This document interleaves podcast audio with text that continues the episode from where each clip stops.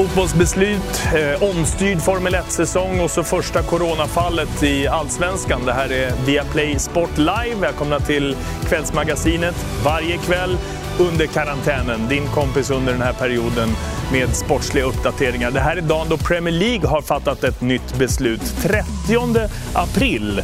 Det är tidigast då det blir spel i England igen. Efter ligamötet idag. Det är beskedet säsongen ska spelas klart, är intentionen. Nu är det också formellt beslutat att den allsvenska eh, starten sker tidigast för damer i slutet på maj, för herrar i början på juni. Förbundet följde klubbarnas önskemål idag. Ur programmet idag två aktuella sportchefer om både sjukdom och sportsligt läge. Det blir fotboll och juridik Eh, med Thomas Boström som gästar om bland annat Citydomen. Och så blir det ett motorblock med era frågor, bland mycket annat, lite senare under den här kvällen. En timme minst ifrån soffan via Play Sport Live. Ni är välkomna. Det är också det här gänget. Bosse Andersson, vad gör du på dagarna? ja, det, ja, men det är, som sportchef så är det en ganska speciell situation. Det är frågor som inte så rör mycket fotboll.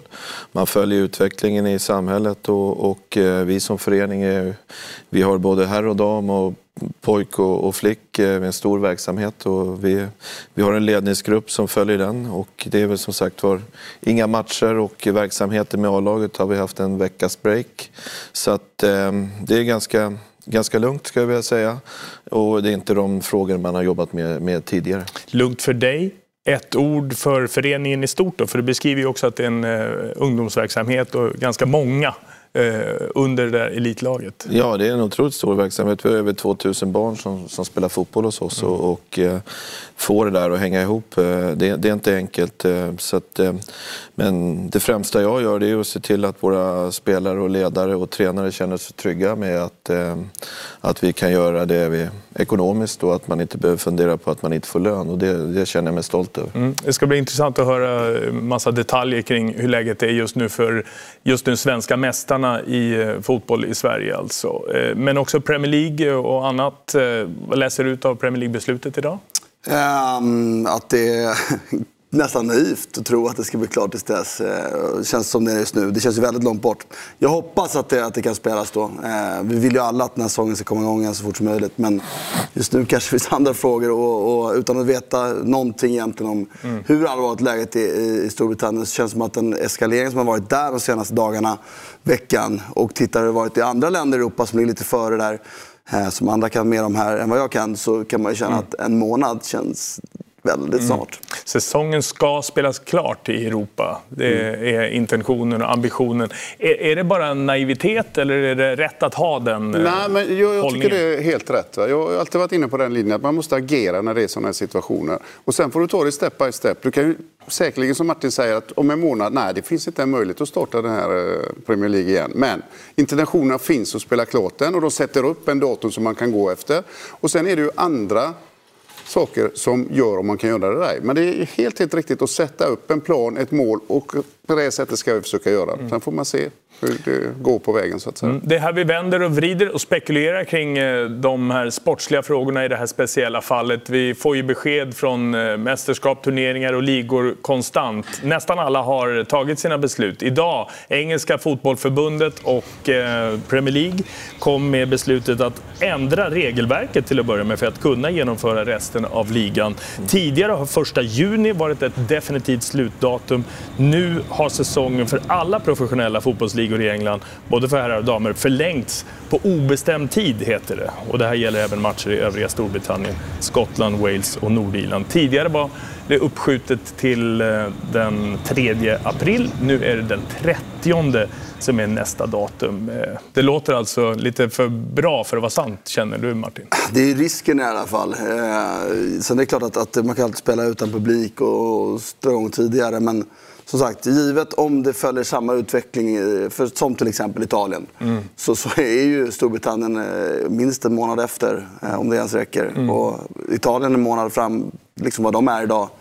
Hade mm. inte gått att spela. Ja, och Glenn, du har ju kontakter kontinuerligt med Bergamo, det värst utsatta området. Eh, mm. Och matas med bilder och, och, och, en tänkbar utveckling. Även om vi kanske då blir lite bättre förberedda på än vad de har varit i norra Italien. Ja, det blir det. För när det väl kom dit så visste man inte ens vad det var i början. Liksom. Det var ju första personen, eller patient noll har de inte hittat, men patient ett då. Mm. Och han var ju på sjukhuset två, tre gånger liksom, och det var ingen som visste vad det här handlade om. Va? Så att jag har ju haft eh, just det att jag har sett olika länder på vägen under två månader nu. Så jag såg liksom starten i Italien. Och då påminner den lite om den jag såg på Tenerife för en månad sedan och den jag ser i Sverige nu.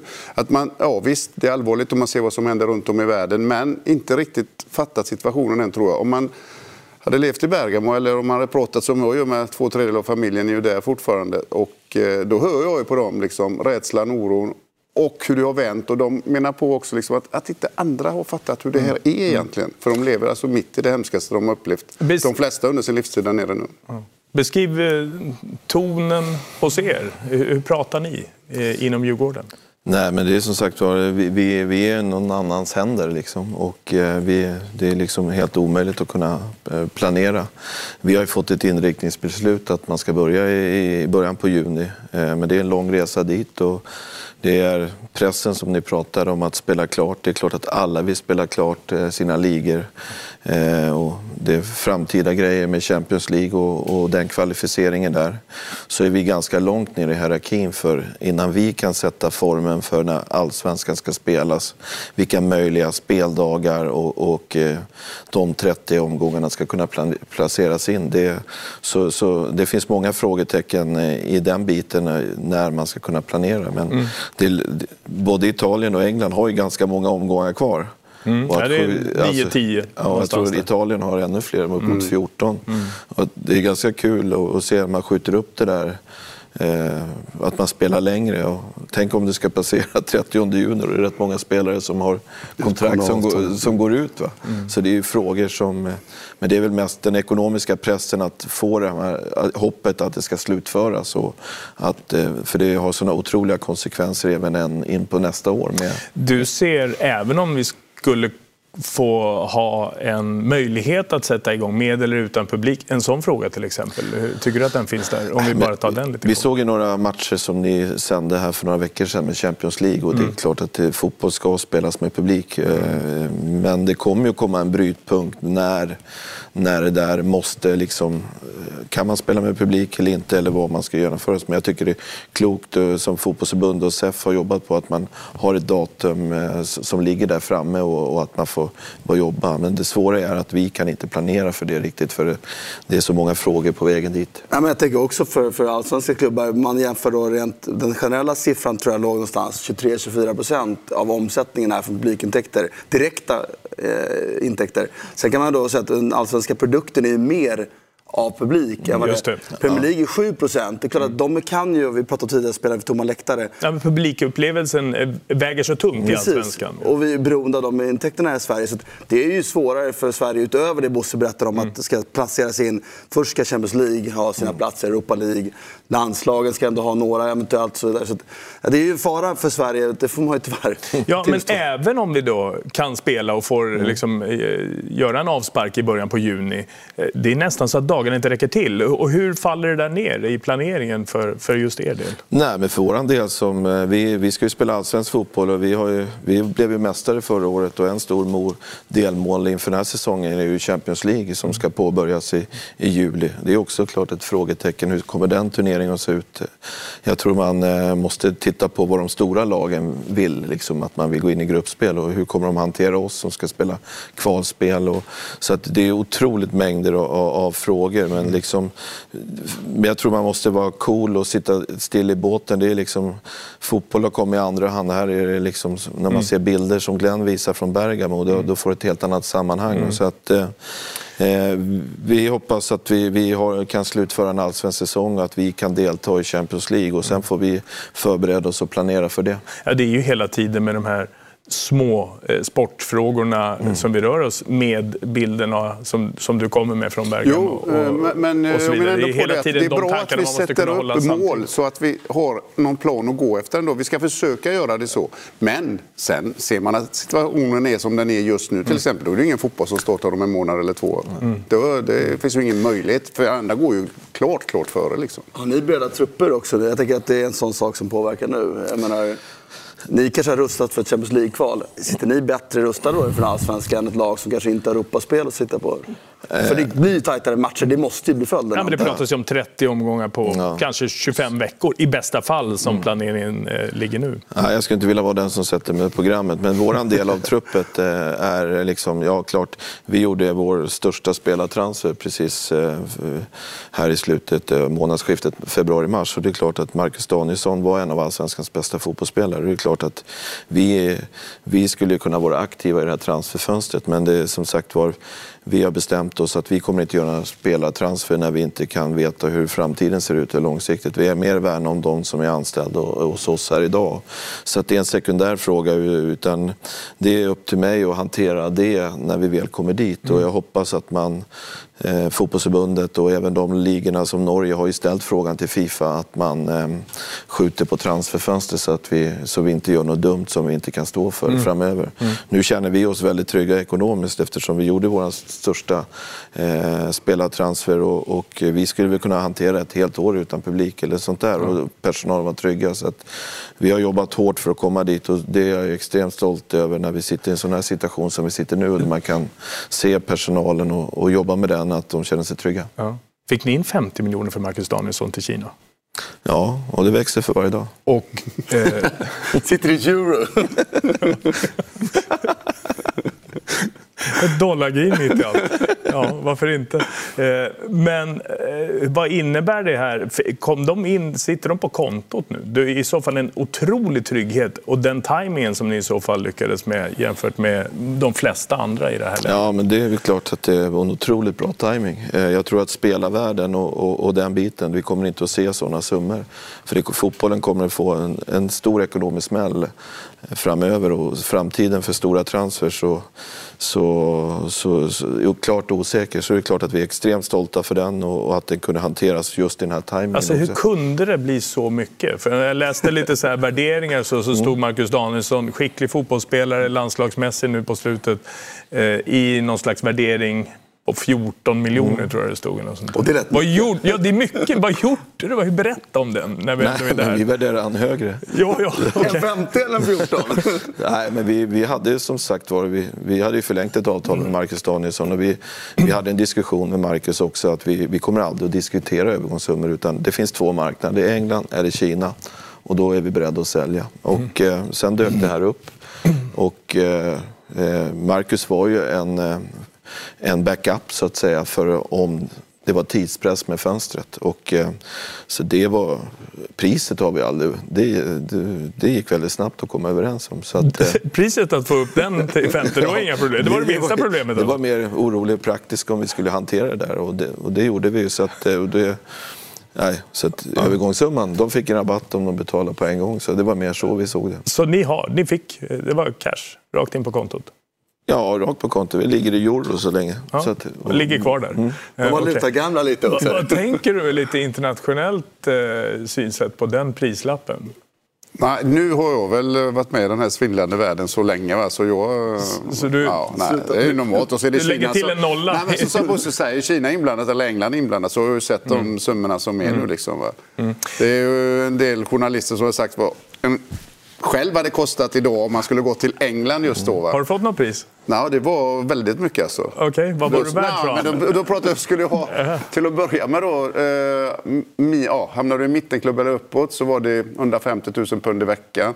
Och det hade jag väl på, inte ens på året va, när jag spelade. Inte ens det, va? Och, eh, så de här pengarna som finns, framförallt i de här länderna Mm. som du pratar om, det är ingen... eh, Ja, man tycker det är väldigt, väldigt mycket, men det börjar bli så vanligt att de siffrorna... Men fun- det- ja, det fungerar så där. Bara Liksom. Ja, så det susar förbi. Liksom. Eh, ja, Nej, man kan väl säga att ni inte behöver fundera på de här permitteringarna som de diskuterar i Norge. I alla fall. Nej, det är inte, inte Det kanske man inte gör alls i Sverige. Jag vet Nej. faktiskt inte. Jag, jag tror det är många klubbar som diskuterar det. det. Det tror jag absolut. Likviditet tror jag inte är en självklarhet i Hur skulle alla det ha sett ut utan den här affären? Nej, men det är klart att vi hade fått vidta åtgärder. Eh, fram som du säger, vars, varsla folk och, och titta på det när man inte har fotbollsmatcher. Det, det är ändå det klubben har och vi jobbar för. Och det, det är klart att eh, då måste man ju se över det. Eh, vi kan ju känna oss lugna i det korta perspektivet men även i det längre perspektivet är det vårt ansvar att se till att, att vi vidtar åtgärder så vi känner oss trygga framöver. Så nu väljer ni helt enkelt att inte, utifrån eh, hela läget som det är också, att inte investera i spelare i alla fall, utan att ligga kvar i den verksamhet ni har? Nej, har det, det här påverkat det beslutet? Ja, absolut. Att Dels att kunna se spelare, personal, ledare i ögonen. Varför ska vi köpa spelare? Det är där vi ena stunden skulle kunna behöva varsla folk. Mm. Det, det, det skickar fel signaler. Mm. Eh, det är ju ett läge där RFs ordförande Björn Eriksson uppvaktade regeringen igår och idrottsminister Amanda Lind för att eh, försöka få omedelbara kompensationer för de eh, kostnader som de har räknat ihop och preliminärt sätter ett pris på. Omedelbara förluster, krav på kompensationer. Hockeyn, i och med att det var slutspel och allsvenska eh, på gång och stora publikfester, störst förlorare i det här läget. Fotbollen beräknas till 150 miljoner kronor i det här läget. Djurgården är det enda laget som mår bra kanske, eller klubben som mår bra i det här läget.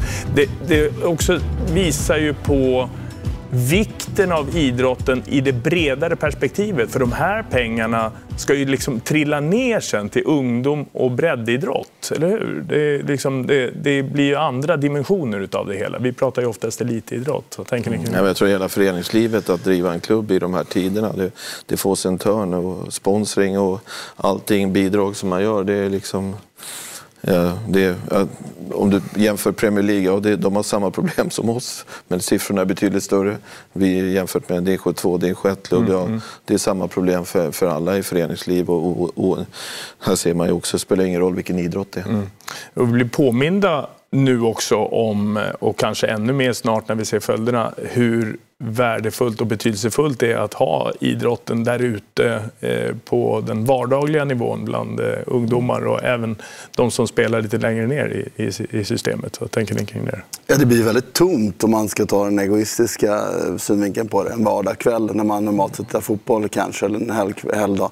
Sen är det ju tur då att, att jag har barn i aktiv ålder så det blir mm. en annan kompensation. Och det, pratar om ideella idrotten, det som inte syns här, de här siffrorna presenterar, är ju att det, vi gör det gratis. Jag, menar, jag, jag tycker egentligen att, att om man var så fräckt då, nu är inte en tid att börja prata om att man ska få mer pengar, tycker inte jag. Men jag är glad att ändå idrotten också lyfter en hand, för vi ser inslag i Aktuellt varje dag om hur någon kultur, kulturell institution som är redan subventionerat av staten, Dramaten var ute och pratade om rättighet för pengar. Men jag är glad att idrotten som gör så otroligt mycket mer ändå mm. lyfter en hand. För att, jag menar, den fortsätter ju, det är inte, mm. slutar ju inte nu. Alltså, ser du på idrottsplanerna runt om i Stockholm så är det mängder av barn spelar fotboll varje dag Ja, men det är alltså integrationsfaktorn som finns i idrotten som mm. sker nästan gratis då hela tiden. Den ska kanske kompenseras. Jo, Känns det rimligt att kräva ja, jag visst, jag förstår. Vi pratar fotboll, vi pratar idrott här. Och eh, klubbar får problem, mindre klubbar får ännu större problem. Men det här är ett problem för hela samhället. Mm. Det finns, jag har ju folk där nere som går på en liten verkstadslön och ska få hjälp av staten. Litar ju inte riktigt på italienska staten hela tiden där nere. Det har de aldrig gjort riktigt. Va? Och de, de är ju inte så bekymrade att de inte kan se på fotboll längre eller att det inte är idrotten, mm. att inte ungarna kan spela på morgonen och så vidare. De är bekymrade för hela sitt liv, sin mm. existens. Mm. Liksom, mm. Så det går liksom ändå bredare tycker jag. Det känns som det är det stora problemet är bland alla i princip. Va? Det är de som har olika sorters företag, de som bara jobbar i något litet företag som inte får gå till jobbet. Hur ska de få sina löner? Ja, okay. Du betalar inte el, du betalar inte gas, du betalar inte det just nu då i, i, framförallt i Lombardiet. För privatpersoner ska försöka få in det även till eh, företag. Men Kommer det att funka? Kommer alla de här pengarna komma ut till alla i tid och så vidare? För de behöver ju tid att köpa mm. mat till sina barn och så vidare. Och så vidare va? Mm. Och Italien är väl och det, det finns ju de här, den här oron som är så mycket större än just fotbollsoron eller idrottsoron i Italien. Just, det hänger ihop hela vägen, det blir en kedja. Ja, exakt. Och Italien är ett av de länder, tror jag, som har väldigt mycket småföretagare också. Så ja. jag kan tänka mig att det står ännu hårdare på ja, men sen är, sen är det, det, som är mm. det största, eller största problemet är ju sjukdomen såklart. Men vi får inte glömma av också att Lombardiet, det är en region har cirka 9-10 miljoner, lite ungefär som Sverige. Mm. Men de står alltså för BNP strax under 80 procent av BNP i Italien. Italien. Mm. Så när den regionen stoppar, då stoppar i stort sett alla regioner. Hela Italien stannar upp. Va? Det är därför alla är jätteroliga. Både för själva sjukdomen, anhöriga, jag har mängder som jag har känt som har gått bort upp i åldern, ja, men upp i åldern, vad, vad, vad, är det för konstigt? Det är väl jättetråkigt även någon som är uppe i åldern när de går bort. Liksom. Det, det, ibland så tycker jag man tappar liksom, synen på det hela och säga att nej, det är bara det, det är bara så. Nej, det, det är så mycket inblandat, framför allt i den här regionen då, då, där jag bor. Och plus att de har BNP på 80 procent. Hela landet blir ju mm. skakning. Alltså. Ja, det är stora frågor eh, på grund av ett eh, litet virus. Om vi tar tillbaka det till det som eh, orsakar en hel del bekymmer nu för en av de allsvenska klubbarna så är det det första bekräftade covid-19-fallet i AIK som de har att hantera. Dels har vi undersökt spelaren och eh, konstaterat att eh, det är alla de symptom som, eh, som, vi, som, som gör att vi har misstanken. Sen så har vi höjt graden av isolering av spelarna. Vi har på något sätt beordrat karantän för både spelare och ledare. Vi har ju sedan tidigare låtit spelarna bedriva träningen individuellt men då har de gjort det också i lite mindre grupper. Nu har vi särskilt dem helt. Det var under gårdagskvällen som AIK gick ut med att man har ett misstänkt fall av corona i spelartruppen. Efter det har samtliga spelare och ledare satts i karantän fram till den 1 april för att minska smittspridningen. Något som förstås påverkar deras uppladdning inför den tilltänkta allsvenska starten i början av juni. Eh, just nu så bedriver vi ingen elitförberedande verksamhet. Eh, vi har spelare som tränar enskilt. Det är normalt sett någonting som vi gör på en semester mellan säsongerna. Så att eh, det vi gör idag kan inte kallas för elitförberedande. Så att svaret är ja, vi, det påverkar oss. Du, vad säger du till det här, om det här beslutet att skjuta upp allsvenskan till juni? Är det för tidigt eller är det realistiskt? Eh, läget är oerhört komplext och beslutet fattades också innan den första kända misstanken om corona bekräftades i någon klubb. Så att, eh, det är klart att det är lite nya förutsättningar att ta, ta hänsyn till nu. Även om det var ett scenario som man kunde spekulera i såklart så är det trots allt skillnad när det väl händer. Eh, det är väl inte helt orealistiskt att se framför sig att eh, smittspridningen ökar i klubbarna. Vilket gör att vi får en situation där det inte går att förbereda sig för tävlingsspel på ett elitmässigt sätt. Det kommer ju såklart starta debatten om hur förberedda vi kommer kunna vara när vi väl eh, har sagt att vi vill och har ambition att starta. Hur gärna vi än vill och hur gärna vi än liksom vill tillfredsställa folks fotbollsabstinens så behöver vi ta hälsoläget på största allvar i första hand.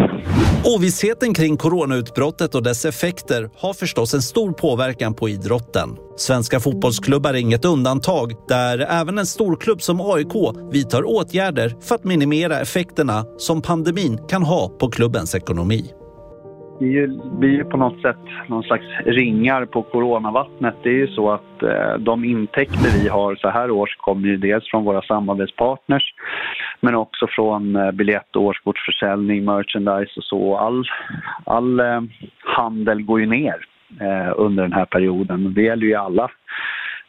Och det får ju liksom ringar även på vårt vatten att om det går eh, om Nike och Stadium, Eh, som är våra, några av våra samarbetspartners, har en sämre verksamhet så är det klart att deras förmåga att stötta oss inte är densamma. Eh, och det, det, innebär ju svårigheter så att eh, det, det, det påverkar definitivt, så är det. Vi planerar eh, just nu för olika åtgärder där eh, vi eh, ska försöka öka våra intäkter och eh, bromsa våra kostnader på ett sätt som gör att vi får lite längre livstid än vad vi ser framför oss just nu om vi inte gör någonting. Så låter det i tvillingklubben till Djurgården. AIK, det är en annan ekonomi där. TV-avtalet är nya. Kommer det in pengar? Ja, det tror jag. Det Seffo och har gjort ett väldigt bra jobb och, och, i de här tiderna informerat på ett väldigt bra sätt. Så det tror jag alla klubbar känner oss tryggare med. Men när ni inte kan spela matcher, kommer ja, det ändå? Men det, det, jag tror också alla tv-bolag eller förstår den situationen vi är i världen och, och eh, mm. är med på den planering som vi har lagt att vi ska börja spela fotboll i juni. Så att, mm. det ser jag inte som något problem. Hur är läget för er? Eh, det var AIK som har mm. en sjuk, det är det första covid-19-fallet bekräftat i Allsvenskan. Är, mm. Är alla friska hos dig? Alla är friska, förutom att man kanske har någon annan skada men inte kopplat till det. Men det är också så, det är en vardaglig kontakt som spelarna har. Vi har också rutiner för det. Eh, vi har läkare som är standby och, och följer utvecklingen. Tränar ni tillsammans? Eller är det bara Eh, en vi, för har, sig? vi har valt att eh, sen i lördag så gjorde vi vår sista träning och vi kommer vi planerar för att vi ska börja på måndag men vi kommer att ikväll, imorgon diskutera hur vi gör den framtida planeringen.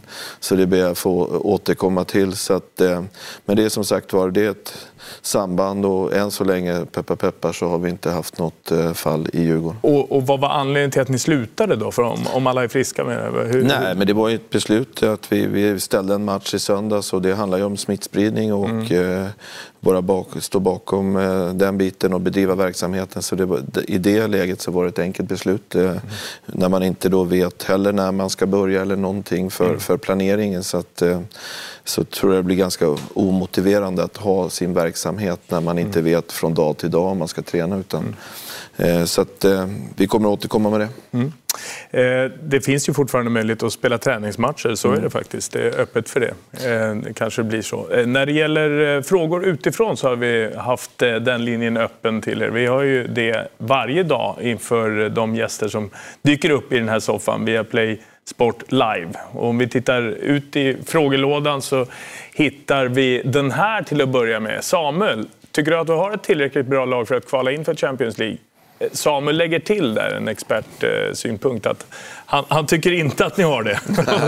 Nej, men det är många åsikter i det här. Ja. Men jag tror, eh, vi har ju klart att vi har planerat för att vi ska spela Champions League. Som jag sa så sålde vi en spelare som vi inte hade eh, planerat för. Och, eh, får vi göra andra prioriteringar. Jag hoppas att den dagen att vi, när vi är Champions League så, så har vi, känner oss trygga med det. Men samtidigt i sån här situation också så, så gäller det att driva klubben långsiktigt eh, och, och veta vad vi gör. Och då kan vi inte fatta kortsiktiga beslut. eh, Och det står alla bakom i Djurgården så, så här. Vad behöver de? En i varje lagdel? En i varje lagdel? Nej, men de behöver definitivt eh, förstärka, eh, eller det går ens att ersätta Mark Danielsson. Eh, Buya Turay tyckte jag också var riktigt bra förra året, som är svårersatta. Men eh, jag håller med Bosse, det är inte läge och för ett allsvenskt lag att spränga gränsen. Speciellt inte nu, men nästan inte i normala fall. Utan det är rimligt med Europa League som mål, målsättning i sådana fall. Eh, ja, det är skönt ändå att de eh, rent sportsliga frågorna kommer, men det finns andra också eh, och de är lite mer på det sociala planet. Eh, Från Emil, eh, vem av dem du har sålt har du bäst kontakt med helt enkelt?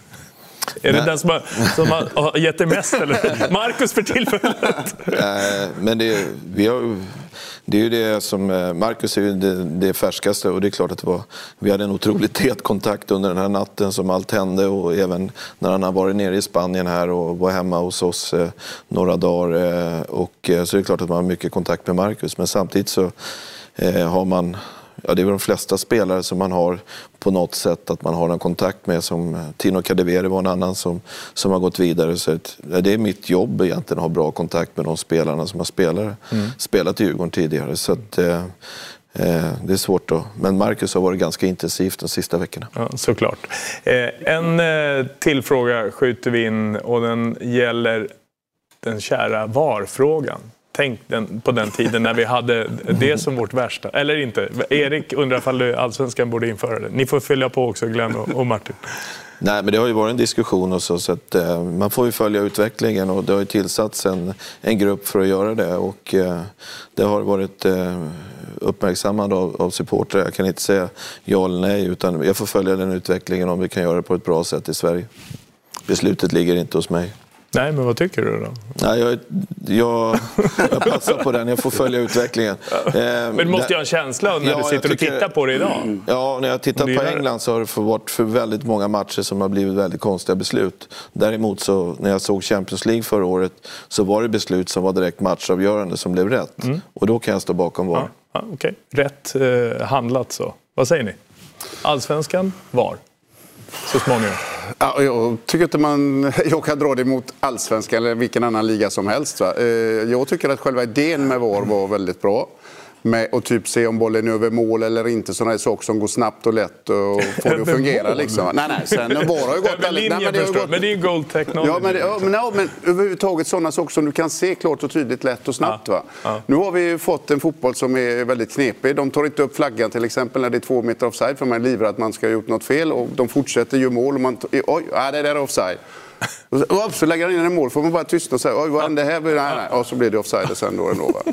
Och sen, för jag, jag Det tycker är att... oerhört bra Nej, men sen- beskrivet! sen- Hela valröran, ja, eller hur? Men sen är det också väldigt olika regler i Champions League och i Premier League. I olika ligor och själva Champions League också. Va? De Mm. används på ett annat sätt. Va? Jag tycker att det ska vara det som vi sa från början, som du har hört jag säga ofta. Väldigt, jag har inte sagt fel, clear and obviously, men det ska vara, vara clear and obvious tydligen. Och eh, det har jag fått eh, sagt Ja, till klart och tydligt, Ja, men det ska vara klart och tydligt. Om och då är det alltså domslutet. situationer som att domaren fortfarande har en power i den här matchen. Han bestämmer och så vidare. Och sitter det några vid sidan om som ser på det här, att det är något som är riktigt fel, Mm. då säger de till honom. Då tycker jag att han ska gå ut och titta och sen avgör han det hela. Så att säga. Nu är det väldigt ofta som det är situationer som de som sitter och tittar på kamerorna i varummet, domaren som är där, ja, de är inte riktigt överens de personerna. Och andra världsdomare som ser samma situation, de är inte heller överens med dem. Då ska inte VAR komma in, det är ju sagt så. Då ska den inte röra sig, den ska bara sitta helt tyst där inne.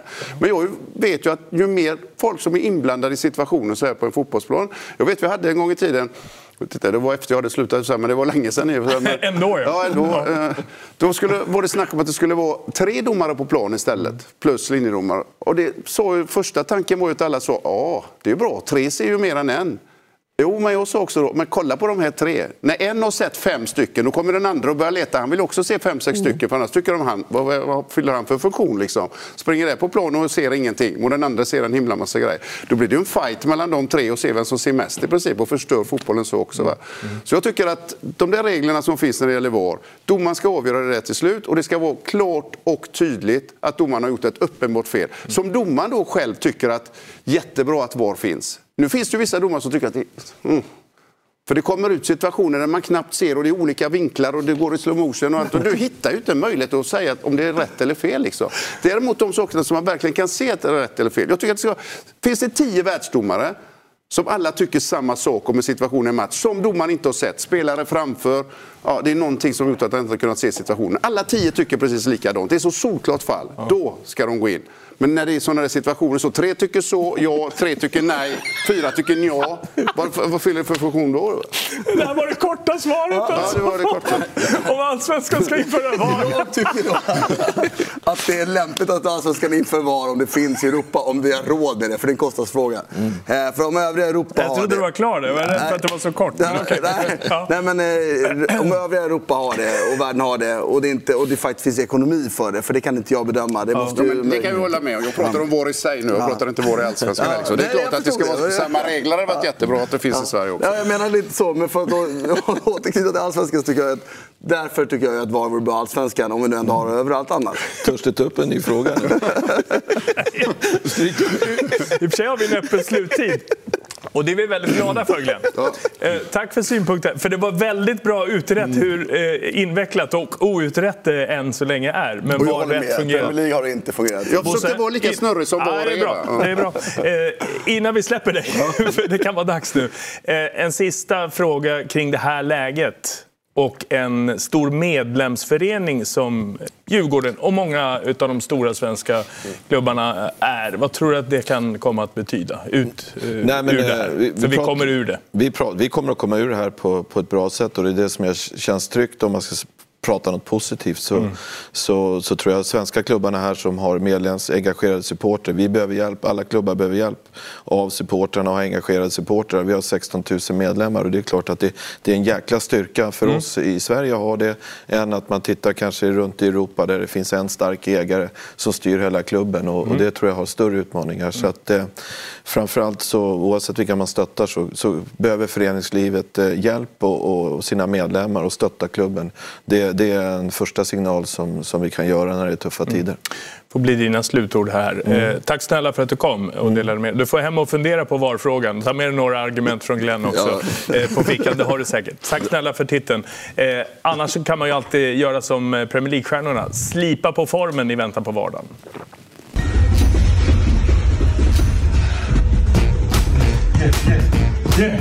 Yeah.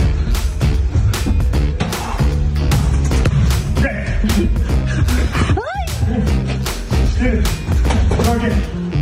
Det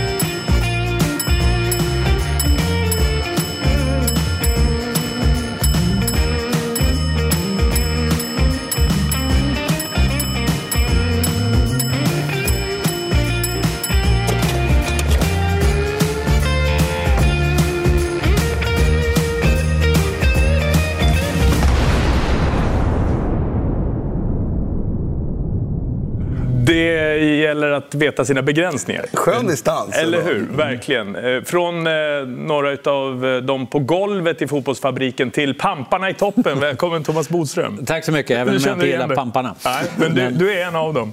Eh, ja, det kan man ju säga eh, på ett sätt eftersom jag är den högsta fotbollsjuristen. Så det är ett slags pamp. Eh, livet i koncentrat, en kort beskrivning. Thomas Bodström, eh, för er som inte är helt eh, bekanta med, det är ni säkert. Slutet på 80-talet, allsvensk spelare i eh, AIK. Det blev ett par säsonger där. Det var en justitieministerpost i början på 2000-talet, sex år. Göran Persson ringde en gång i tiden. Och numera alltså advokat och i Fifa-toppen vad det gäller juridiken. Berätta Ja. om eh, den exakta, det var Eh, livet i koncentrat verkligen. Berätta det om den här rollen. Jo, det är så att jag är alltså eh, juristdomare. Ibland när jag säger att jag är domare i Fifa säger de så här, va? Har du börjat döma? så, att, eh, alltså, så det är en ganska klassisk eh, juristroll. Och då är det uppbyggt på det sättet att Fifa har två, liksom, man kan säga som tingsrätter. Det ena är den etiska kommittén och det andra är disciplinära. Och det ena är allt som sker på planen, alltså när spelarna missköter sig, när Suarez biter någon eller någonting. Eller så är det allting, eh, mycket mer allvarliga saker får man ju säga, eh, nämligen korruptionsärenden. Och båda de här instanserna kan överklaga upp till oss, som är Appeal Committee. Heter det. Alltså, det är ungefär som hovrätten. Och där är vi 15 domare från hela världen och eh, jag är ordförande där. Om man är missnöjd med det, då kan man överklaga till CAS, som är juridikens högsta domstol. Där är alla idrotter. Vilket. Manchester City har gjort och vi kan återkomma om en, till, om en stund till, även om det är ett Uefa-ärende. Så det gäller att hålla ordning på pågående det. som man ska vara försiktig att uttala sig om. Just det, men det vill vi ändå höra om. Ja. Från, Ja. från FIFA från FIFA-håll kan vi höra om ett Uefa-ärende. Eller hur? Ja. Jag ser inga Eller- problem med ja. det. Nej. Gör ni det? Vi kan återkomma till det. Hur ofta sammanträds det här? Alltså Eh, inte, för det var ett tag sedan Suarez bet någon. Ja, ändå. det var faktiskt före min tid. Det var 2014. Jag har varit med sedan 2017, Mm. så jag har varit på fyra år. Eh, och vi har rättegångar ungefär en gång i kvartalet. Så nu ska vi ha nästa fredag. Men på grund av corona så kommer vi ha det telefonmöte istället. Annars så är det nere i Zürich, Fifa-kvarteret, som är inrättat som en eh, domstol helt enkelt. Och vi är tre Mm. Berätta, domare. hur går det till? Hur ser det ut? Det är, det är ganska likt en vanlig domstol faktiskt. Eh, Det är, eh, då, då har ju någon dömt i de här underinstanserna och så är det någon som då överklagar här. Och så kommer de dit med advokater och det är väldigt intressant för mig som advokat därför jag kan skämmas lite när jag hör dem. Ibland kan jag skämmas för att de säger saker som man tycker är pinsamt. De liksom åberopar onödig bevisning och allt så där, man känner igen sig lite. Ibland kan man skämmas för att de är så otroligt skickliga, som till exempel brittiska advokater är extremt skickliga. Man kan liksom inte fatta hur man kan vara så duktig och prata utan manus i två timmar. Eh, Men, men det är otroligt intressant att då vara domare. Men sen är det ju då lite speciellt, därför att vi har ju inte samma möjligheter som eh, en vanlig domstol. Det finns inga tvångsmedel, man kan ta telefonavlyssning när det är korruptionsärendena. Eh, men å andra sidan så har de en skyldighet att samarbeta. Om man inte samarbetar med Fifa, eh, då är det en, alltså ett, ett brott i sig. Mm. En person som är misstänkt för ett brott behöver inte säga ljud på hela rättegången. Men här måste man samarbeta, man måste lämna ut mejl och sånt. Eh, men sen blir det en vanlig rättegång kan man säga. Och de argumenterar, de har bevisning och sen pläderar de och sen ska vi döma i det där. Mm. Och, och eh, hur gör ni det då? På, hur stor är den sammansättningen? Vi är tre domare då alltid och det är jag som ordförande då, så det är två domare. Och, så då är utslagsrösten? Eh, nej, vi, nej, det är faktiskt två mot en har det blivit några gånger. Eh, men, men eh, vi försöker resonera oss fram faktiskt. Clear and obvious, två mot en. Ja. Det vara. Ja. ja. Alltid så. Nej, så det blir inga ordförande. Men, men, vi brukar faktiskt argumentera eh, fram till vi. Jag tror att det varit en gång som det blev 2-1. Annars har vi varit... Vad är, vad är domen för om man inte samarbetar då? Nej, då är det ett brott i sig och det kan i sig ge bestraffningar. Med avstängningar är det som är det mest... Eh, jag tänker om man väger det mot om man då sitter med korruption så kanske man väljer... Du såg genast ett, ett, ytterligare ett kryphål. Men vi kan ju inte döma någon till fängelse till exempel. Va? Utan man kan döma till skadestånd, men ja. även där är faktiskt viss begränsning. Utan det är avstängningar är det som är besvärligt för folk att få. Och det är ändå ganska kännbart att bli liksom avstängd. Dels som spelare mm. eh, och dels som, eh, naturligtvis som man är, är ansvarig inom fotbollen. Att man blir avstängd från allt arbete med fotbollen på kanske två år. Och sånt. Mm. vissa har ju blivit på livstid. Vad är det för typfall om du än liksom generaliserar lite? Som... Det, är, alltså, det är ju det som är stora problemet. Det är ju läggmatcher till exempel. Det har vi haft. Och det har vi haft både domare, enskilda spelare och faktiskt också länder som har gjort. Så här så det har varit organiserat. Mm. Eh, men sen är det också en del eh, länder som, där samma person kan vara ansvarig för det fotbollsförbundet, har en roll i Fifa, äger en klubb, är politiker, är affärsman, har liksom fem hattar samtidigt. Inte trepartsägande utan det kan vara femparts? Ja, alltså, då, då, går liksom pengarna runt där. Så att, eh, då är det viktigt att stänga av de här mm. personerna till. Men sen ska man komma ihåg, det som är problemet, det här är ju ungefär lite som FN har. Det är ju massa länder i världen som är korrupta.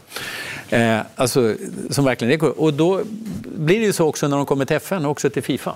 De har en, liksom en, en kultur där det faktiskt är vanligt att man mutar sig fram. Och då blir det också inom fotbollen. Har du blivit erbjuden? Nej, eh, jag har faktiskt inte blivit det. Jag har inte blivit erbjuden. Eh, och det trodde jag kanske att det skulle bli, men jag tror att det har blivit ett reningsbad. Tills vidare i alla fall, eh, efter då allt som hände med Blatter.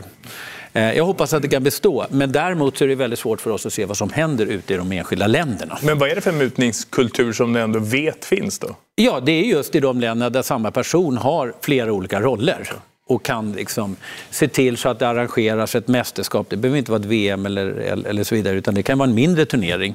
Och då plötsligt så kan de, samma person sälja tv-rättigheter och så vidare. Och så plötsligt kan det gå till, ska vara flickfotbollens utveckling, men det är inte alls flickfotbollens utveckling det hamnar i, utan det hamnar i hans företag. Ja, hur svårt är det att kontrollera? Hur omfattande det är utredningar är det? Det, det är svårt. Eh, jag tycker de gör ett bra jobb, liksom, som är ungefär som åklagarmyndigheten i, i Fifa. Jag tycker de gör ett bra jobb, men sagt, de har ju inte möjligheterna. De kan inte kan inte gripa någon, eh, kan inte häkta någon, kan inte ha telefonavlyssning. Så att, eh, men jag tycker ändå de gör ett, ett bra jobb mm.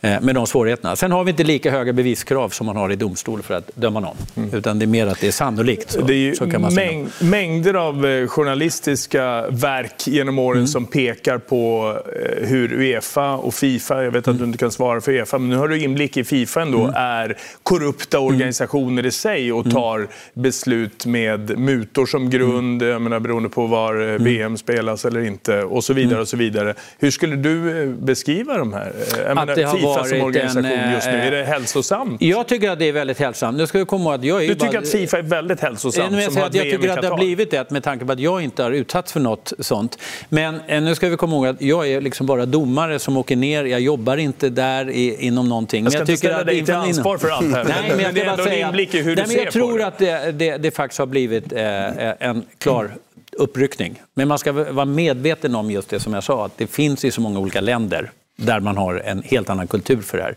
Men jag tycker att eh, eh, det ändå har gått framåt, eh, som, i den inblick jag kan se. Mm. Jag, sagt, jag är inte med i några några styrelserum eller någon sån här Är det saker. fel att anta att man kan gå efter korruptionsindex lite och anta De att... kör eh, två mot en här. Ja, ja, ja, jag märker det. Jag märker det. Ja. Men det tycker jag är bra. Jag ska ställas till svar. Så om man får en sån här, sånt där uppdrag så ska man göra det. Du får gärna hoppa på också. Ja. Nu är vi tre, det är bra.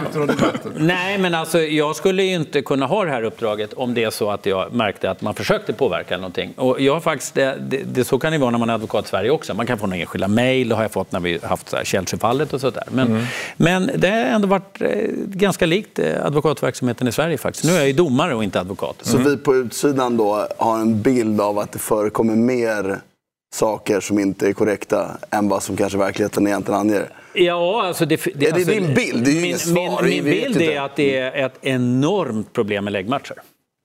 Och det Växer. som vi har i Sverige, det växer. Som och det vi är har så i mycket Sverige också. Mm. Absolut, och just det här att det är så otroligt svårt och att till och med även domare kan vara inblandade. Men, men allt som ni vet att det är antal gula kort och sådana här saker. När ska det komma i matchminut före 30 och vem ska få det? Och så. Alltså det är ett jättestort problem, Kan jag. spelbolagen när de väl kommer igång, jag menar, de ligger ju verkligen nere eh, nu också. Ja. Eh, alltså, kan de fortsätta eh, på det sättet? Nej, alltså jag tycker de har ett väldigt stort ansvar. Sen kan jag, det, det är inte det vi håller på med, men jag kan inte förstå varför. Jag, jag tycker absolut man ska få tippa på matcher, det är jättespännande. Men att tippa på antal hörnor i en halvlek, det tycker jag är väldigt Eller tveksamt. första gula kortet. Eller första gula Ja, för kortet. det jag förstår inte att styra, poängen. Alltså. Ja, det går otroligt lätt och enormt svårt att upptäcka. Men vi har faktiskt stängt av en, en eh, spelare som eh, tog ett medvetet gult kort för att han ville bli avstängd eh, under när de skulle möta något lätt motstånd. Jag kommer inte ihåg Jo, hur det var. det är ju- Och det tror jag att eh, faktiskt ju. även svenska spelare har gjort. Det har jag det- gjort. så att absolut. Det har spelare har gjort för att de skulle på konsert. Men...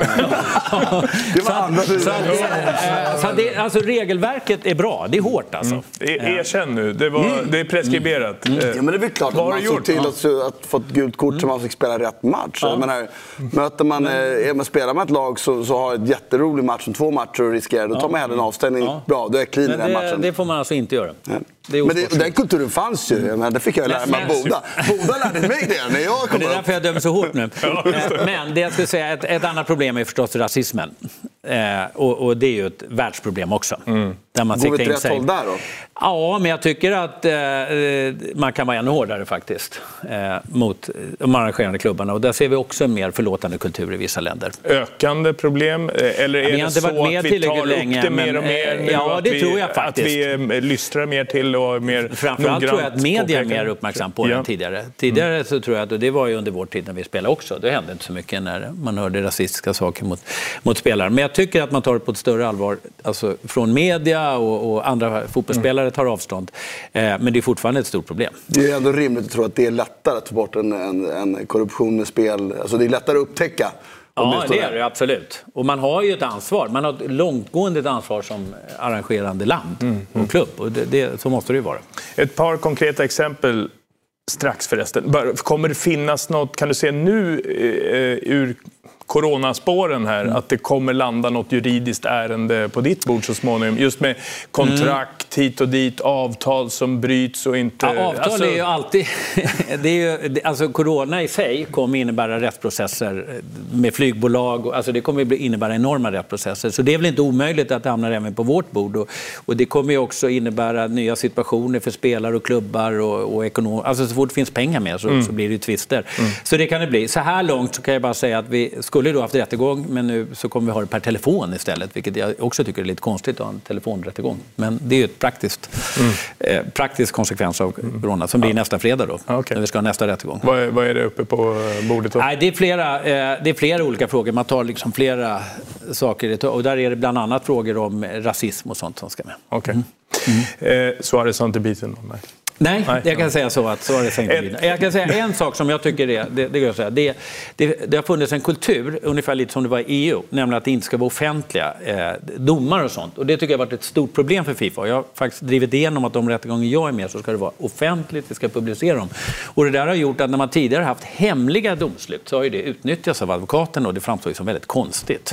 Och det problemet har man i Uefa också, vilket förvånar mig eftersom Europa ändå borde vara mer öppet. Att man inte liksom bara presenterar så här har vi dömt, så här tycker vi. Mm. Istället för att bara säga vi stänger av spelaren på ett år eller någonting. Ja, då får man bort och det, det är något som man, ja, verkligen bara liksom missgynnar hela organisationen. Så det jobbar jag hårt på. Sen kan det finnas undantagsfall, känsliga eh, personliga saker. Men grunden ska vara att det är offentligt, precis du, som vanliga domar. Du var inne på ett fall eh, tidigare som du var inblandad i, eh, eller klubbade igenom. För ett år sedan såg det ut så här i protokollet. Eh, det var väl i april va, som mm. ni satte ett förbud för Chelsea ja. att värva spelare. Det var mm. två transferfönster de åkte på. Ja. Eh, du berättade om något mejl här nu, du nämnde något. Berätta om detaljer kring ett sånt där beslut, Nej, för det är det väldigt handlade, påtagligt. Ja, det där handlade om... Eh, det är väldigt hårda regler eh, för... Eh, det är väldigt hårda regler när det gäller ungdomsspelare, för det är någonting som har missbrukats genom åren. Alltså att man värvar väldigt många spelare från, och kanske framförallt från afrikanska länder. Så bjuder man in 100 stycken 15-åringar. Mm, och så lånar de ut dem. På... Och så lovar de ut ja. dem och så kanske två får chansen. Så det är 98 stycken som inte kan återvända hem och så de,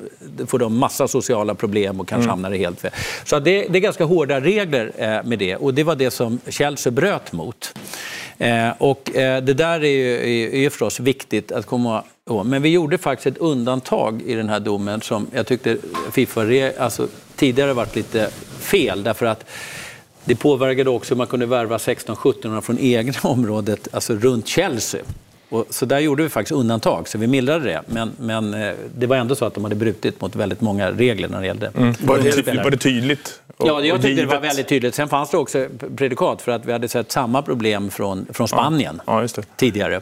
Med värvnings... Eh, alltså hur man hade värvat på ett felaktigt sätt. Så var det, var det 3-0? Real Madrid och... Vad sa du? Var det 3-0? Det var 3-0, ja, absolut. Okay. Mm. Vilken ålder är det som är ungdomsspel? 18 är 18.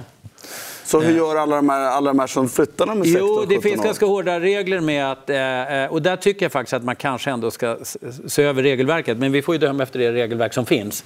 Eh, där finns det regler så att föräldrarna ska flytta med och att det ska ändå vara... Liksom att de det var som Messi kunde komma då som 13 ja, till Barcelona? Ja, jag vet. Och då, då, nu vet jag inte hur det var med Messi om hans föräldrar följde med. Men, men då är det en sak om föräldrarna är med och tar ansvar och så vidare. Men, mm, men det, det, finns situationer där det är väldigt duktiga 16-17-åringar som, som faktiskt, det är inget stort problem att de kommer. De är så duktiga så att de, de kommer bli väl omhändertagna. Utan det är mer här att det kommer helt okända 15-16-åringar mm. från ett land som och, man inte tar hand om ordentligt. Utifrån så snackar vi, vi ibland eh, och säkert fotbollssupportrar också att eh, man vill statuera exempel. Och så här, mm. Eh, det, kan, vi, kan vi fortsätta så eller ska vi lägga ner det snacket så att alla blir lika behandlade? Eller är det bara några som fuskar lite bättre än de Nej, andra och inte det... blir upptäckta och någon som fuskar lite sämre åker dit? Nej, alltså jag ju, blir ju väldigt strikt juridiskt här så jag dömer efter det regelverk som finns. Även när jag tycker att det finns vissa saker som borde ändras i regelverket så måste jag ju döma efter det som finns. Sen ah, okay. kommer jag med synpunkter.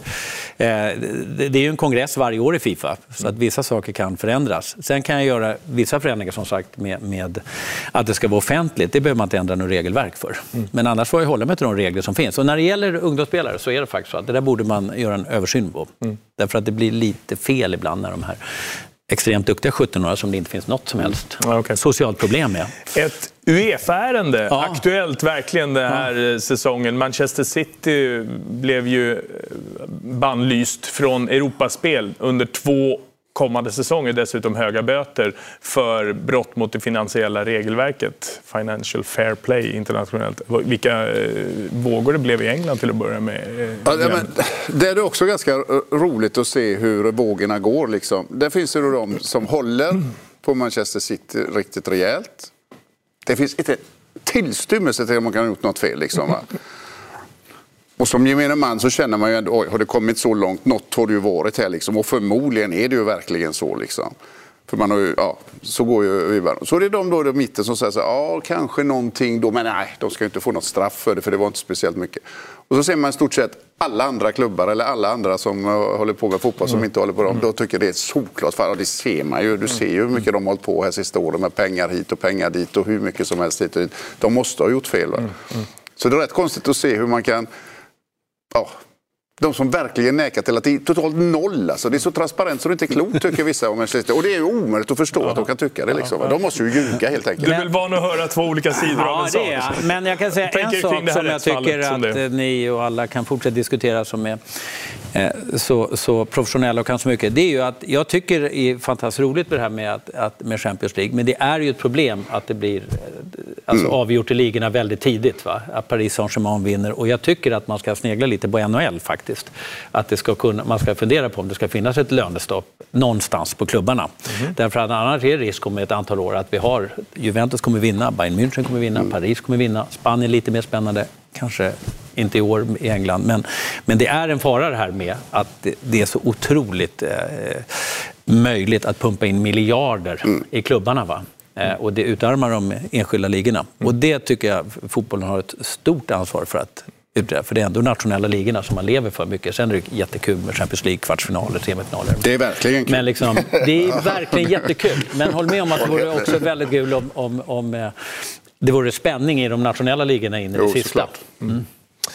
Så är det. Eh, Och vi får hoppas att det blir spel överhuvudtaget. Jag tänkte snart tacka er. eh, Till att... Nej, nej, men jag blev lite Som en nyfiken. avslutning. Nej, men, men, men, vi har ju... Avslutning på en Vi timme till. har en programledare. Ska du, du ska ta över det? Nej, men nu är vi båda här. Liksom. Ja, ja, nu sitter nej, vi men- ändå där. Men vi, har, det är ändå- vi har Marcus Eriksson som vill vara med så småningom och Ja, prata Formel då 1. kan jag gå sen. Och snart har han annat för sig borta i USA. Men fortsätt. Nej, men bara för att ta just det Manchester City-fallet. är ju intressant. Hur blir det nu då när de förlänger allting? Jag menar, den domen ska ju börja gälla från nästa år i Europaspel. Ja, jag tror att det man, blir nästan omöjligt att få Nu är se det dem uppe verkställa på det.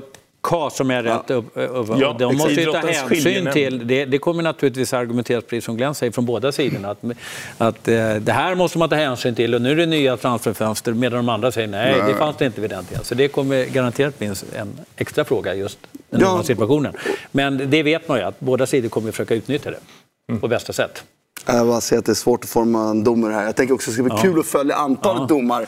Tänk dig många som kommer ha break-even-problem enligt Uefa med alla de här skadestånd som kommer nu. Eh, Kan inte vi eh, göra ett avtal på något sätt och sända inifrån eh, rättssalen? Det, vore det ju gör man faktiskt intressant. inte ens i svenska domstolar. Nej, men nu är det dags. Ja. Eh, Eftersom vi inte har någon Men man har, så... ljudupp, man har ljudupptagningar i svenska domstolar. Man får ju spela in Ja, ljud som ja, du vet, ja. som erfaren journalist. Eh, Men man får inte filma. Nej. Och det kanske ändå är ganska bra att ha den integritetsgränsen. Därför att det betyder mycket också i, i de här att inte bli Kan vi ordna Men med vi har en frivillig. Han kommer bara med mikrofon. Han behöver ingen kamera. Du är nöjd med Men mikrofon? lju- ljudupptagningar, ja. Men kanske okej. inte att man ska filmas. Affärsidé kanske för, för Mm. cheferna så småningom. Hörrni, eh, stort tack för fotboll och juridik. Eh, och fotboll också. Det är det bästa som finns. Fotboll och juridik. Ja. Och tillsammans. Vilket drömuppdrag. Ja. Eh, Mycket intressant att höra Thomas. Tack för att du gästade oss och för att ni också var med den här kvällen. Det kommer mera härifrån via Play Sport Live om en liten stund Formel 1. Men först lite grann om andra stora förändringar i sportkalendern.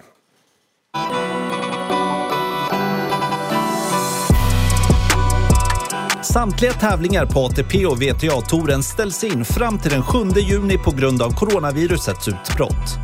Det innebär bland annat att Masters-tävlingarna i Madrid och Rom ställs in och att grussäsongen stoppas. Sen tidigare är det klart att årets andra Grand Slam, Franska öppna, flyttas till sista veckan i september. Golfen är inget undantag när det kommer till idrottsevenemang som skjutits upp eller ställts in. Efter att både PGA-mästerskapet och US Masters skjutits upp spekuleras det nu i att höstens Ryder Cup kommer gå samma öde till mötes. Men att tävlingen som avgörs i slutet av september är i farozonen dementeras av tävlingsorganisationen som säger att Ryder Cup kommer att genomföras som planerat. I motorvärlden tar F1-cirkusen sommarlov nu istället för det tilltänkta uppehållet i augusti.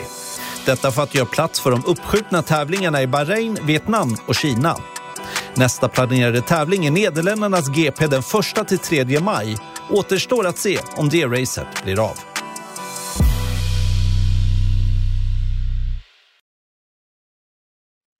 Just det, Formel 1-säsongen, det stökas med den såklart också. Janne Blomqvist här för att reda ut det bland annat. Välkommen Tack så mycket. tillbaka. Du har varit Ja, eh, rutinerad. rutinerad soffgäst här. Soffräv. Eh, Och det finns en hel del dagsfärska Formel 1-nyheter. Vi kan återkomma till det. Men eftersom klockan snart är sju här, så en Och annan borde tid. de vara två i Indianapolis? Just det. Så, så tar vi tag i Indycar, därför att där är ju fyra race flyttade och det påverkar ett par svenskar. Och vi har Marcus Eriksson på tråden. Va? Just det. Marcus som eh, finns hemma i Carmel, Indiana.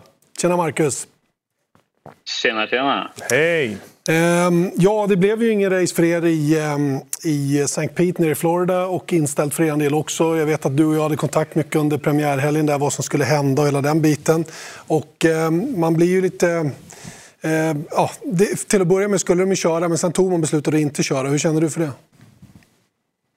Ja, det känns väl som att det var rätt beslut. Det är klart att som, som idrottsman så vill man ju såklart köra. Eh, det, det, är det man, man håller på med och har gått och laddat nu hela vintern för, eh, för säsongstart med, med allt vad det innebär med förberedelser och så vidare. Men vi förstod väl ju närmre eh, helgen det kom de sista dagarna där att eh, ja, det kändes väl som att det skulle kunna gå åt det här hållet och sen när beslutet kom då på fredagen så var det väl ingen stor chock i och med att i stort sett alla andra sportevent i, i USA och övriga världen ställdes in eh, hela tiden. Då, då. Så nej, det är klart att det är tråkigt om man är besviken men samtidigt så tycker jag att Indycar gjorde helt rätt och tog rätt beslut. Och man har sagt då att eh, till maj månad så, så är allting uppskjutet just nu. Då, men det är väl mycket som talar för att det är svårt att säga någonting om det blir någon month of May med allt vad det innebär från Indianapolis också.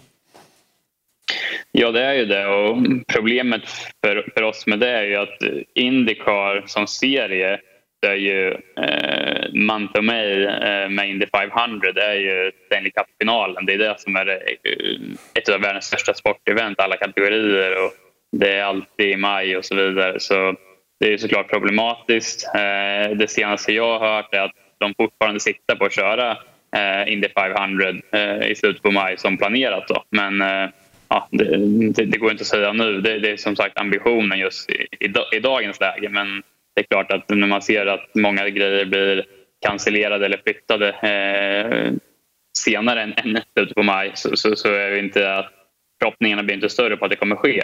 Eh, dock så har jag hört lite från, från olika källor här i Indianapolis att om det skulle behöva bli så att det inte går att köra i, i slutet på maj så, så kommer de försöka hitta ett annat datum eh, för det. För de vill verkligen genomföra Indy 500 i och med att det är ett så pass stort, eh, eller ja, vårt absolut största event. Så vad gör du nu då, när det inte händer någonting annat? Håller du på att bekanta dig ännu mer med nya teamet och sådana grejer? Ja, teamet är nedstängt så vi får inte åka dit än. Så alla är beordrade att sitta hemma och jobba från, från, ja, hemifrån. Då. Så, så det går inte att göra det så mycket utan det blir att eh, ja, tillbaka till försäsong på något sätt. Och det är också svårt när alla gym är nedstängda så man kan inte gå till gymmet. Så eh, får köra lite he hemma, hemmagym och sen ut och vara ute och cykla och löpa och, och sådana grejer för att hålla igång. Eh, sen ja, försöka hitta på grejer hemma. Jag håller på att bygga en egen simulator. Så det har jag väntat på att få grejer och fick de sista grejerna idag. Då. Så nu har jag och flickvännen här eh, börjat pyssla idag med, med det här bygget och bygga upp en hel simulator som är lite mer avancerat än vad jag kanske hade räknat med från början. det låter som att ni är förberedda på eh, en möjlig långt upp, möjligt långt uppehåll här. Då kan ni hålla igång en egen serie. Vi har några tittarfrågor också, Marcus. Vi skjuter in några sådana eh, ifrån Emil till att börja med. Handen på hjärtat. Han är ute efter det riktigt ärliga svaret här. Alltså. Handen på hjärtat, Marcus. Längtar du tillbaka till F1? Eller är det bättre och roligare i Indycar? Han är grymt imponerad av det i vilket fall som helst. Men svara ärligt nu. Ja, om jag ska vara helt ärlig så längtar jag inte tillbaka till F1. Utan jag är jättenöjd med där jag är just nu och framförallt att jag är i Chip Ganassi Racing som är ett av de absolut bästa teamen i Indycar och i motorsportvärlden. Ett av de mest framgångsrika. Så jag har fått en jättemöjlighet nu i Indycar och är liksom superladdad på att ta den möjligheten och visa vad jag går för. Och ja, slåss om segrar och ta segrar. Så, men jag ska vara helt ärlig, just idag så är det ingenting jag längtar eller trånar efter eh, Formel 1, även om det såklart är kungaklass. Det går inte att komma därifrån. Det kanske blir tufft nog i den där simulatorn så småningom i internmatchen hemma. Eh, fler, fler, frågor utifrån. Det, det, det, kommer från Anton. Eh, den största skillnaden på F1 och Indy, du var väl kanske inne på den där just med beroende på vilket team och vilken kvalitet man har. Men vad är den största skillnaden på F1 och Indycar? Mm, ja, det, det finns en hel del skillnader men en av de stora grejerna är att i Formel 1 är det ju som så att alla team bygger sina egna bilar. Så det gör att det blir rätt så stora klyftor mellan toppteam och mindre team på grund av att de har så olika stora budgetar och, och så vidare. Eh, kollar du på Indycar istället så är det en enhetsklass där du har alla bilar på griden har exakt samma bil att jobba med. Sen finns det två motortillverkare i Chevrolet och Honda som gör två motorer som är väldigt eh, lika varandra. Så det gör att mm, det blir mer ett förarmästerskap. Sen måste du såklart ha ett bra team som hjälper att ställa in bilen på rätt sätt. För det är också avancerade bilar. Men i grund och botten så är det eh, rätt så lika förutsättningar för alla förare. Och det gör ju att som idrottsman så blir det ju eh, en helt annan grej att alla som åker en tävlingshelg kan ju vinna realistiskt sett. Medan i Formel 1 så är det kanske sex bilar realistiskt som kan vinna varje helg. Mm. Eh, en eh, svensk anknuten fråga kommer också från Eva-Lotta. Eh, vore det kul med ett gästspel i Sverige om du i så fall fick en förfrågan att ratta en bil i serien STCC TCR? Vilken tävlingsbil skulle du då välja? STCC-bil, Porsche, Camaro etc. Det är bara att välja. Ja, jag har ju aldrig kört i Sverige förutom när jag körde gokart som, som en liten grabb. Så Eh, jag har ju kört internationellt sedan jag var 16. Eh, så hela min karriär har ju varit eh, utanför Sveriges gränser. Men det är klart att det hade varit häftigt och roligt att göra ett, ett, eller ett gästspel i, i Sverige någon gång om det skulle passa. Och nu har ju min yngsta brorsa börjat köra Porsche Carrera Cup Scandinavia. Så mm, det är väl eh, i sådana fall något sånt som skulle vara mest lockande om, som sagt, om allting skulle klaffa och det skulle passa. Det ser ut som en rolig bil att köra också. Mm. Marcus, eh, kul med alla frågor som du har svarat på. Ehm, jag funderar en sak till. De andra förarna, ni, är ju rätt, ni bor ju rätt nära varandra. Eh, nu vill ni inte umgås i det läget som är just nu. Men när det lättar kanske efter någon vecka och ni känner att ingen av er är smittade, kommer ni att liksom göra gemensam sak tror du? Ja, jag vet inte. Nu eh, är det här rätt så nytt. Så jag och Alexandra, flickvännen här, har ju egentligen hållit oss i, lägenheten egentligen hela tiden. Eh, åkt till mataffären och, och så vidare. Men annars inte umgås med så mycket andra, andra människor. Men, eh, men det hoppas man väl att, eh, som du säger, när, eh, problemet var att alla var i Sankt Pete och man träffade massa människor där. Så då vill man väl ta det säkra för det osäkra och ta det lite lugnt här första veckan eller två. Sen förhoppningsvis så kan man väl börja eh, ja, umgås lite mer. Men det gäller att följa alla rekommendationer för att man gör saker på rätt sätt och inte eh, ta onödiga risker. Bra, toppen. Stort Gott tack. besked. Mm, verkligen. Ja. Eh, kämpa på då, så får vi se när, när det hela drar igång. Kanske i maj, kanske senare. Men ett Indy 500 börjar kunna bli i alla fall, som det verkar. Mm. Kör hårt blir passningen då. Låter bra, det ska jag göra. Toppen, tack. Och vänder vi tillbaka till eh, Formel 1-serien igen då, så hörde ni om att eh, säsongen har redan stuvats om. Det är redan sommar i Formel 1-världen. Till att börja med är det det. Ja. Eh, man bestämde sig för att flytta det här sommaruppehållet som man normalt sett har i augusti, där minst två av de fyra veckorna i augusti måste vara helstängt. Nu har man sagt att eh, mars och april använder man för att ha den så kallade lockdown. Mm. Och tre av veckorna under den här perioden måste det vara helt stängt. Mm. Eh, så där, där, ser man till att öppna upp schemat då, om det skulle komma igång så småningom. Mm. Dessutom, och så, och så kom ett ny, uh, nyhet idag här det har det gjort, uh, Just när det gäller tekniska reglementet då att um, det som skulle tas i bruk 2021 flyttas fram till 2022. Eh, vilket innebär då att årets säsong och nästa års säsong blir egentligen en och samma när det gäller bilen. Mm. Självklart så sker utveckling precis som vilken, under vilken säsong som helst. Men det blir inget så där tydlig nystart som det blir mellan två säsonger i vanliga fall där man avslutar en säsong så går man hem på ritbordet och så försöker man då enligt gällande reglement rita en ny bil. Utan den bil man homologerar i år den ska även användas nästa säsong. Eh, plus att det budgettak som är infört eh, träder i kraft för 2021. Så använder man några av de pengarna för utveckling av 21-bilen, det vill säga den man har i år redan, då har man inte möjlighet att använda dem på 22. Så det är lite trixigt där. Mm. Men det är en bra grej de gör för att spara på resurserna. För det kommer ju bli svårt med intäkter under den här konstiga säsongen. Just det. Och det här är någonting som eh, kom idag. Eh, att eh, de vet nu att det är de här förutsättningarna som mm. gäller. Innebär det per automatik att de som vann förra året vinner nu? Nej, det Om det nu blir något. Det, det, den som har byggt en bra bil i år vad det som nu blir kvar av den här säsongen mm. kommer naturligtvis vara stark även nästa säsong. Då. Mm. Det kan man väl lista ut. Snarare med, så alltså. Ja, precis. Mm. mm. Så att, eh, jag tror att, eh, men det, det, är ju ingen, eh, det blir inte någon stor förändring i alla fall. Vi vet ungefär hur styrkeförhållandena ser ut. Det är bara de lilla detaljerna i toppen och detaljerna i mittfältet som kanske kan variera lite grann. Men mm. det är ju intressant ändå att man tar det här beslutet för det är ju en sån jätte jättegrej man gör inför 21 som man nu flyttar fram ett år. Jag tycker det är helt rätt. Mm. Och spara på krutet nu. Gör färdigt den här säsongen. Rita av 2020, vad det nu blir av det. Och sen eh, kör en full säsong 21 och sen ladda på ordentligt till 22 med ny bil. Än så länge ingenting. Men vi lägger oss inte ner på Absolut, något sätt. Utan eh, vi ställer oss upp eh, den här helgen och inför en ny satsning. Det blir gamla lopp som återupplivas. I ny tappning. Ja, retro på söndag. Berätta. F1 Upon Live. Eh, ja, men visst, vi kommer med senaste nytt och vi kommer att grotta ner oss ännu mer i de här senaste nyheterna och det faktum att vi nu vet att Spanien, Holland och Monacos Grand Prix faktiskt är uppskjutna officiellt också eh, och, och framflyttade eller inställda. Vi får se.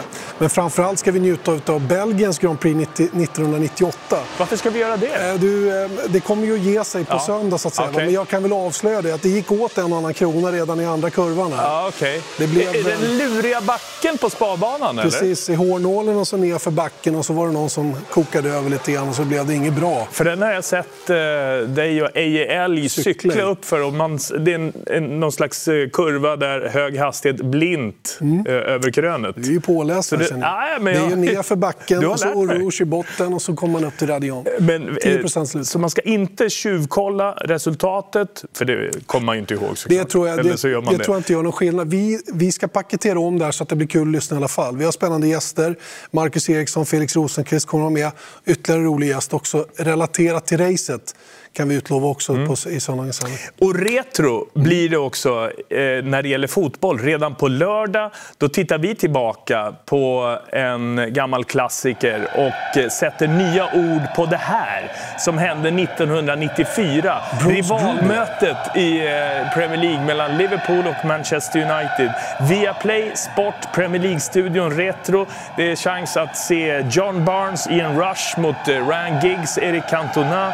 Det är Eh, att återuppliva och uppleva dramatiken och den där stämningen på nytt. Det är en ny kommentering, det är en eh, studioinramning. Vi kommer till och med analysera i paus. Det är klart, det är väldigt bra. Tycker vi själva att vi är inne i något visst flow så kan det vara så att spelarna inte har hunnit ut i den andra halvleken. Exakt. Vi kan alltid hålla på. Man vet aldrig. lite Bara hålla på play lite. Ja, det är lite fuffen som vi har för oss ja. i huset. Det Jag känns kul. Det var fränt att se Bruce Grubelar. Ja. Var från Sydafrika, ja. målvakt. Ja, han som mm. ja, han var lite galen. lite. Lite, galen. lite mjuka knän ibland då och då. Så så retro i fotbollsform på lördag och i Formel 1-variant på söndag. söndag ja. Så det är en fullspikad helg. Eh, det är verkligen någonting att titta på. Se ifall vi kan få ihop en tipskupong också. Svårtippat säkert. säkert. säkert. Även i, Med även pling i rutan ja, ja, det har vi gjort. Ja, det, det, det kommer. Vi kommer. Eh, missa inte det. Det är lördag alltså. Premier League-studion Retro via Play Sport eh, är det som eh, tar sig an det på lördag. Då ses vi igen. Eh, redan den här kvällen, en annan form av eh, gammal fotboll på nytt. Eh, dagens klassiker, ett smakprov.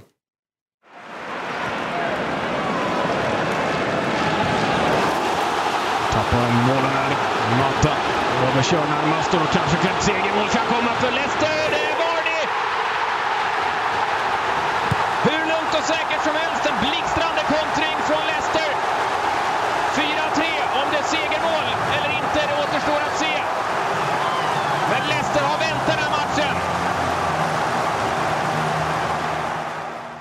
Leicester och Manchester United i en målfest. Vi, vi spelar inte ut 0-0 matcher, även om det finns fina sådana också. Vilken resbana ligger nära Leicester? Eh, det måste vara Silverstone då. Donington Park. Ja, jag bara chansa. Det var den enda i England som jag kunde. Men vi har passerat den i så fall. Ändå. Ja, det, det är, inte så långt ändå. Vad heter Leicesters hemmaarena? Jag har ingen aning. King Power Stadium, före detta Filbert Street. Här kan vi sitta, ja, eh, men det ska vi inte. Vi stänger nu.